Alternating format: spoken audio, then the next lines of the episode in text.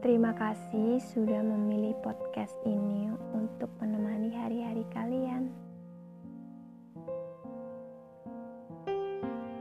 Ada banyak sekali isi kepala yang meminta untuk disuarakan oleh pemiliknya. Namun, bingung harus memulainya dari mana. Atau ada isi hati yang sesak menahan beban kesendirian karena lagi-lagi bingung harus cerita ke siapa.